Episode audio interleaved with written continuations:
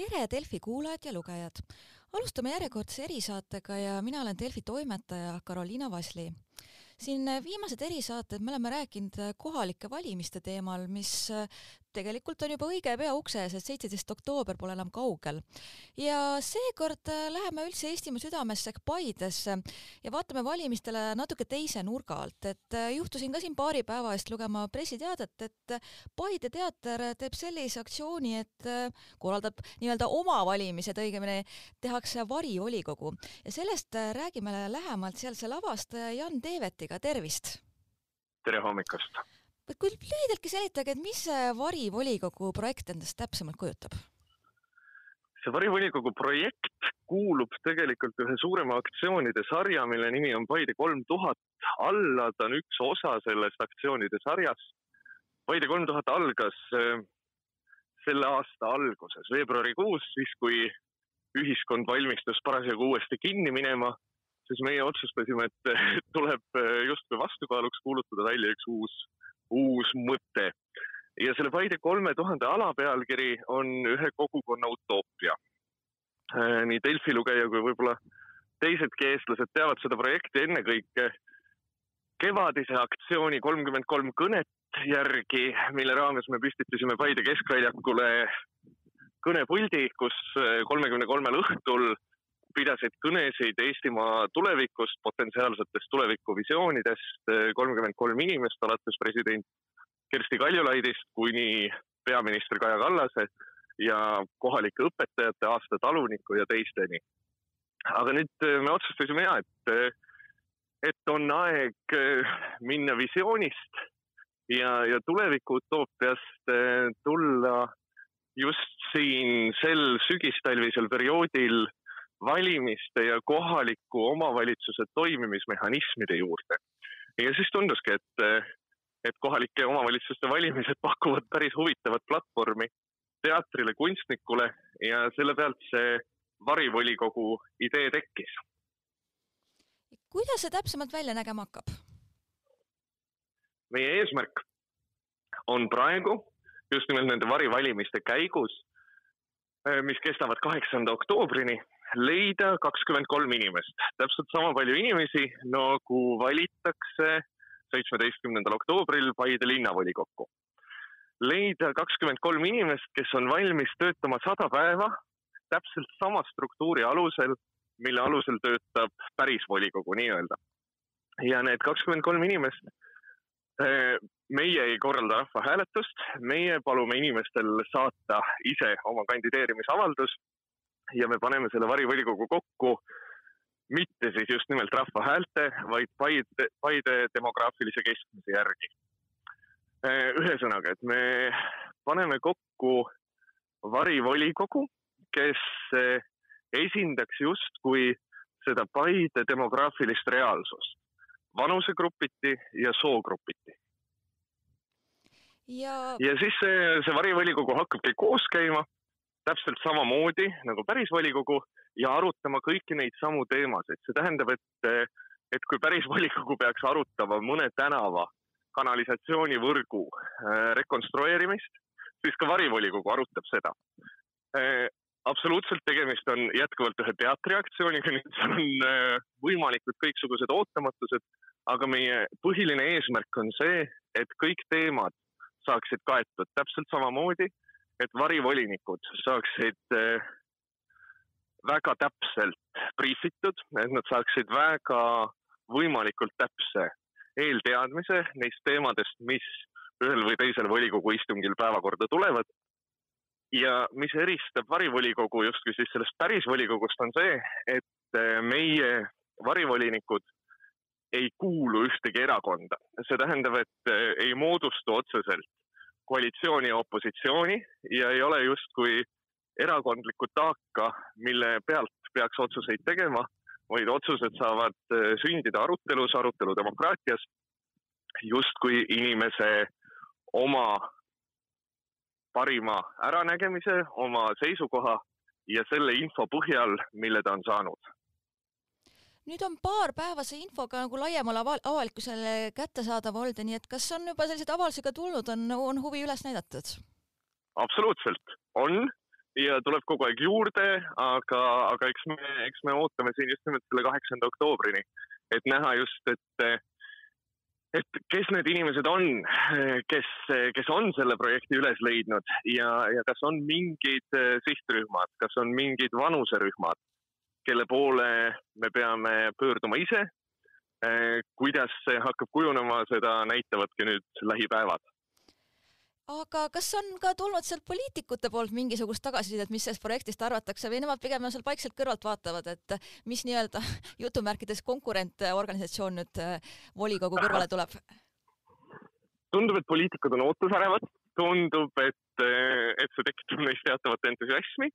ja, ja muidugi seoses sellega, et, et varivolikogu valimised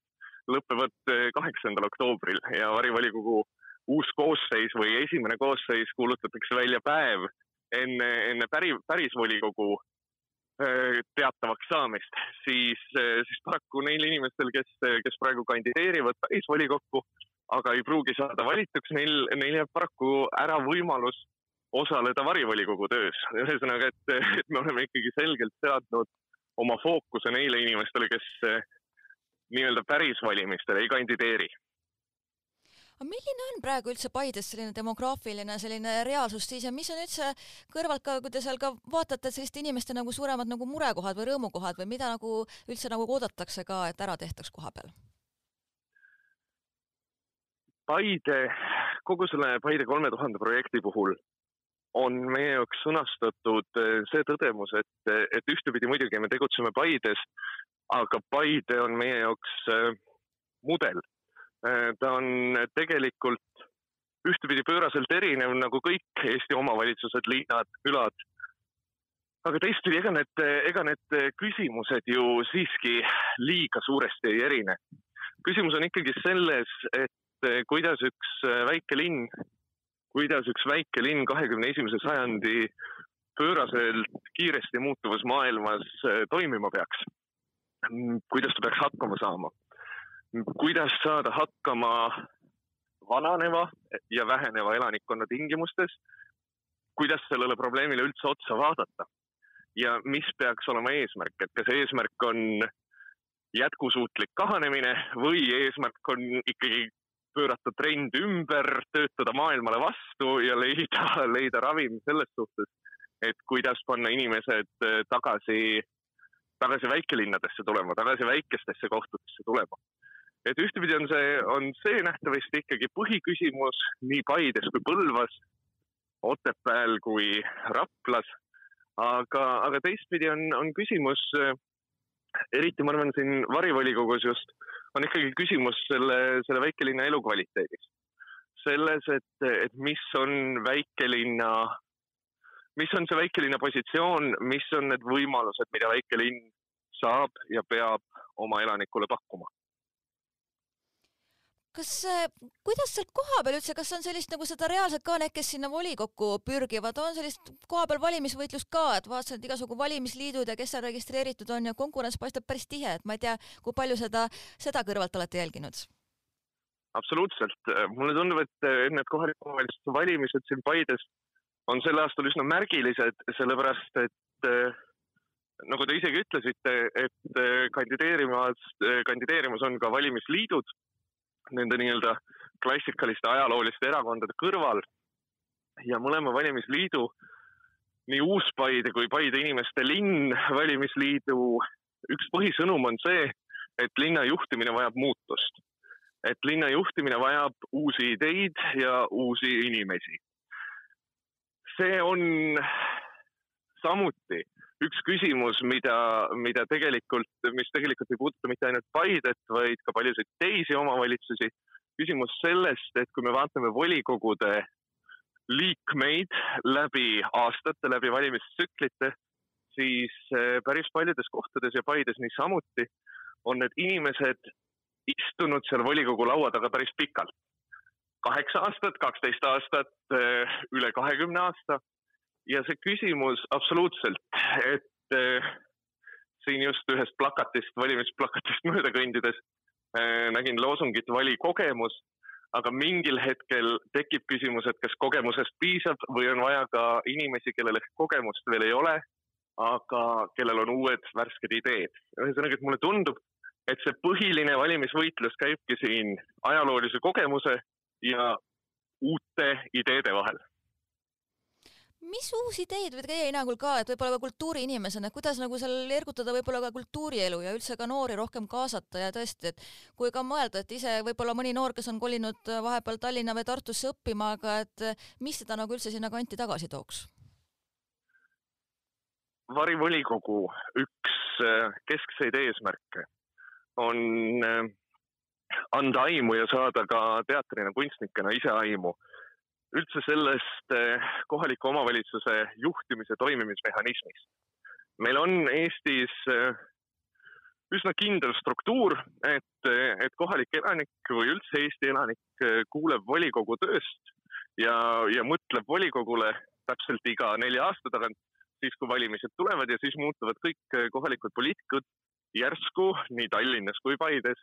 aktiivseks ja hakkavad rääkima sellest, mis tuleks teha ja mis tuleks ümber teha. kohe, kui valimised on lõppenud, siis, siis see aktiivne diskussioon ühiskonnaga kipub kaduma. ühesõnaga, et meie esimene eesmärk on see, et, et kas on võimalik luua just nimelt selle väikelinna mudeli baasil, kas on võimalik luua avatud dialoog selle kohaliku elanikkonna ja selle volikogu vahel me esimesena proovime seda siis oma varivolikoguga, aga meil on äh, selge siht ja eesmärk, et see varivolikogu loomine elavdaks avalikku dialoogi äh, ka, ka päris volikoguga. see tähendab, et, et see päris volikogu, need kakskümmend kolm liiget, et nad tajuksid seda, et, et kui nad saavad need hääled neljaks aastaks, et siis tegelikult nende häältega kaasneb ka kohustus informeerida avalikkust, informeerida seda inimest, kes andis ini, volinikule oma hääle, aga ka neid, kes ei andnud. Nendest otsustest, mis tehakse, nende otsuste protsessidest ja, ja, ja nende otsuste tagamaadest.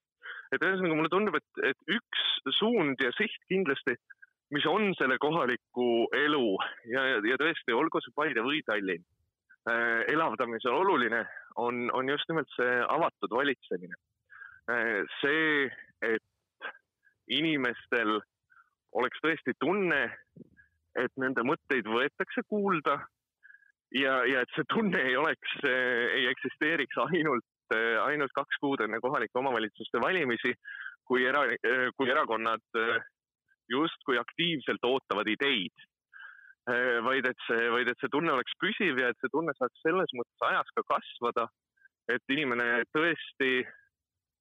tajuks äh, oma kohalikus äh, võimuorganis, oma kohalikus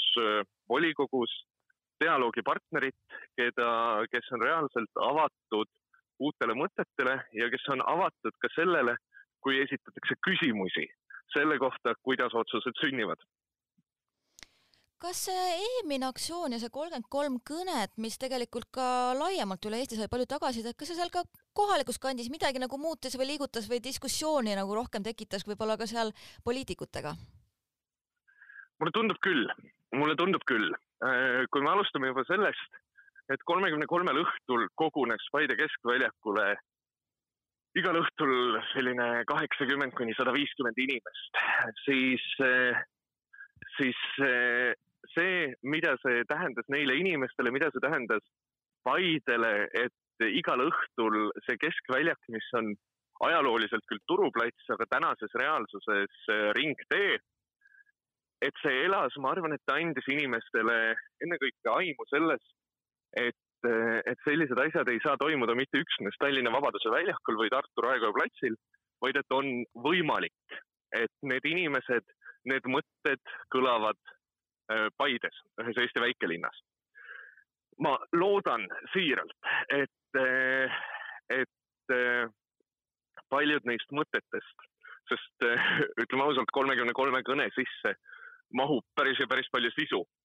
et paljude nende mõtete tulevik selgubki järgmistel aastatel, võib-olla järgmistel aastakümnenditel. sellepärast, et ühe hea kõne põhiline eesmärk või mis annab äh, aimu ühe kõne justkui headusest, on see, kui palju uusi kõne, kõnesid temast sünnib. ja mulle tundub küll, et, et on täiesti võimalik ja, ja ma siiralt loodan, et neist mõtetest, mis Paide keskväljakul välja öeldi mais ja juuni alguses, et neist saab veel, et nii, et neist tõuseb veel, veel palju huvitavaid uusi mõtteid. Sellepärast, et Paide üks põhiline visiitkaart on ju Arvamusfestival ja sellesama festivali kohta üks põhiline kriitikanool on see, et, et tullakse kokku ja arvatakse, aga midagi justkui ei juhtu.